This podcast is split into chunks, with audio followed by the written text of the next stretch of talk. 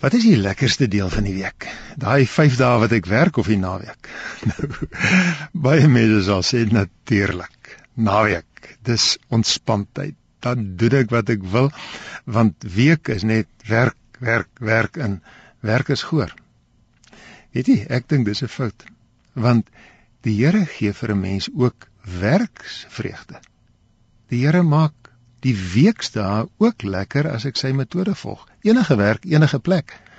Nou hoor ek vir mense sê jy ken nie my werk nie. Ek werk soos 'n slaaf. My baas is 'n slawe drywer.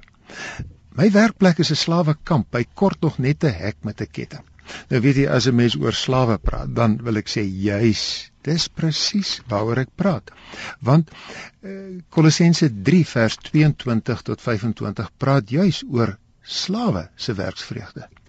Daar staan in Kolossense 3: Slawe, wees in alles gehoorsaam aan julle eienaars hier op aarde. Wat julle ook al doen, doen dit van harte, soos vir die Here en nie vir mense nie. Weet jy, hier word beloof dat selfs slawe werksvreugde kan hê. Nou ons kla oor slawewerk, maar ons weet nie wat dit was om 'n slaaf 2000 jaar terug te wees nie. Niks betaling, niks vryheid nie. Niks byvoordele aan mediese fondse nie. Hulle het nie geweet wat 'n naweek is of aftrede is nie. Ons het al hierdie goeders.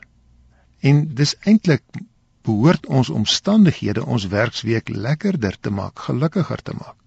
Dis as ons nie werksvreugde het nie, dan moet ons juis hoor wat die Here vir slawe gee om my as werker se week gelukkiger te maak. Ek wil drie goeters uit Kolossense 3 uithaal. Vers 23 sê: "Doen dit van harte, soos vir die Here, nie vir mense nie."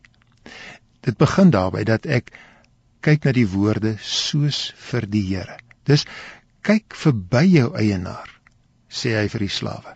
Kyk verby jou hoof of jou baas, sê hy vir die werkers en sien Ek werk vir die Here. Net daardie beginpunt moet my houding verander. Ek is in sy diens.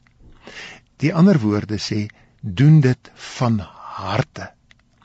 Weet jy, daar's 'n interessante stuk navorsing deur 'n navorser met 'n onuitspreekbare naam Csikszentmihalyi en hy het 'n boek geskryf met die titel Flow, F L O W, die Engelse woord vir vloei.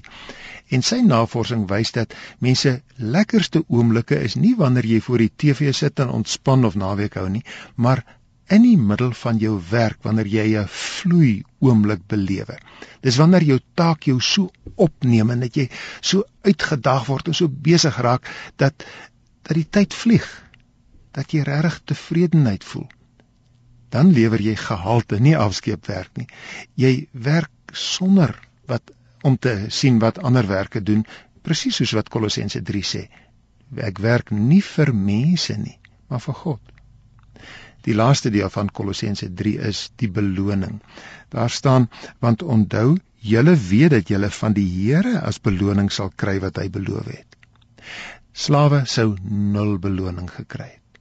Maar die Here gee vir hulle 'n tevredenheid, 'n trots op hulle werk.